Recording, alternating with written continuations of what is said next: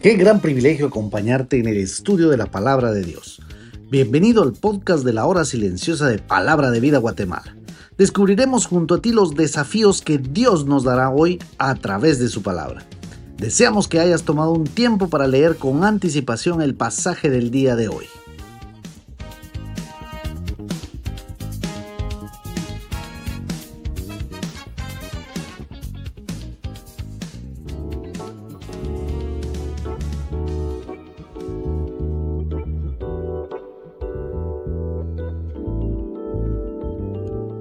Bueno poder estar en el comentario de la hora silenciosa. Te saluda Oscar Fuentes del Ministerio de Palabra de Vida aquí en Guatemala y hoy estaremos en Nehemías capítulo 6 del 1 al 9. Y un escritor dijo lo siguiente, ir juntos es comenzar, mantenerse juntos es progresar pero trabajar juntos es triunfar.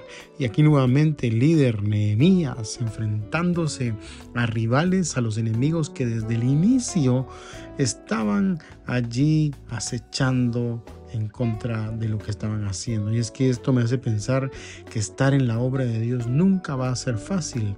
Y es que el mismo Señor Jesús dijo allí en Juan 16:33, estas cosas os he hablado para que en mí tengáis en el mundo tendréis aflicción, pero confiad, yo he vencido al mundo. Y es que como lo estaba enfrentando Nehemías en cuanto a la obra de Dios, la oposición a la obra de Dios y en su vida era realmente algo por el cual se necesitaba mucho esfuerzo. Y más cuando el enemigo mira que tu vida ha sido edificada por el Señor, la verdad Dios siempre va a estar respaldando tu vida si es una vida de obediencia, pero no la va a respaldar cuando hay desobediencia. Por eso es que hay que estar constantemente buscando la voluntad de Dios. Creo verdaderamente que lo que necesitamos en este tiempo son líderes como Nehemías, que a pesar de la oposición en la obra de Dios, de alguna o de otra manera,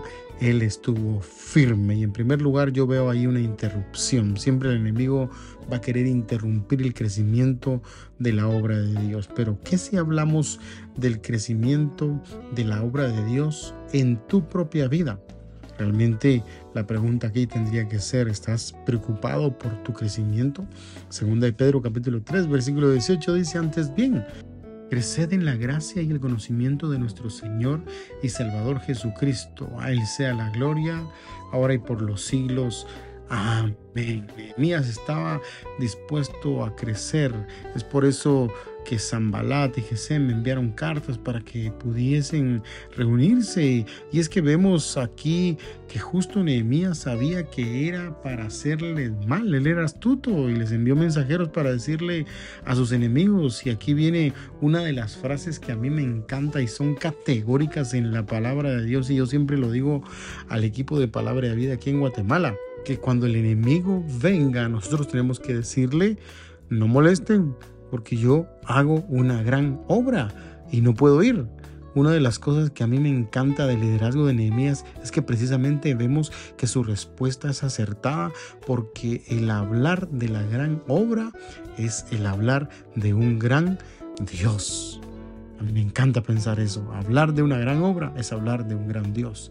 ¿Sabes qué increíble ver lo que la obra de Dios puede hacer en la vida de la gente? Pide al Señor que haga una gran obra en tu vida y trabaja en la obra de Dios. Por eso el mismo Señor Jesús decía ahí en Juan capítulo 5, mi Padre trabaja y yo también trabajo.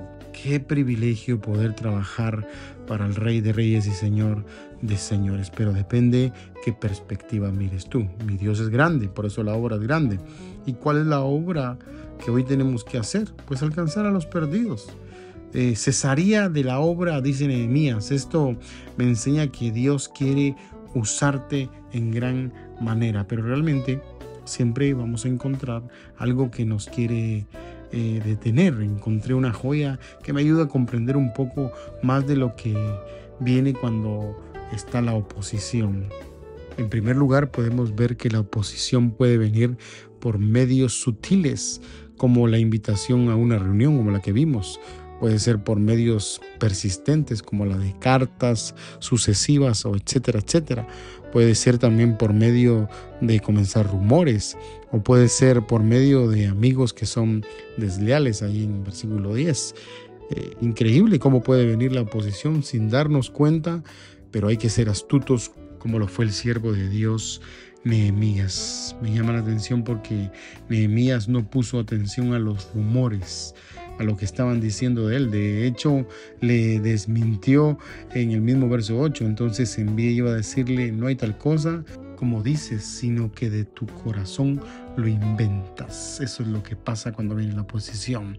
Muchas veces viene del corazón maligno de las maquinaciones que hay en el corazón de aquellos que no quieren que la obra de Dios pueda crecer. Por eso vívelo.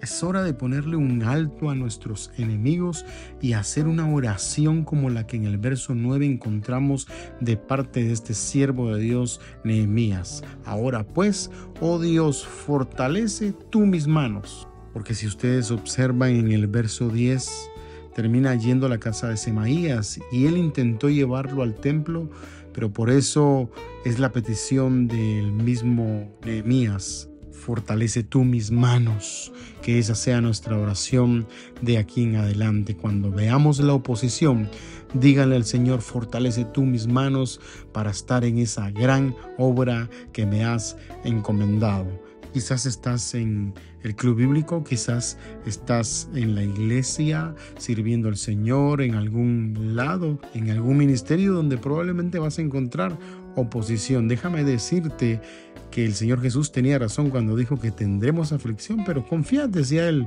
que yo he vencido al mundo. El Señor pueda fortalecer las manos y que puedas dar fruto en el lugar donde estés. Que el soberano Dios bendiga tu vida grandemente.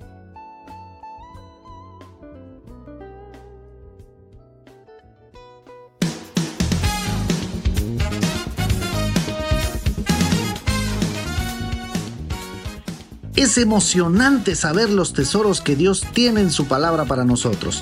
Ayuda a tus amigos a que descubran la voluntad de Dios para su vida. Comparte este podcast con ellos. No olvides seguirnos en nuestras redes sociales.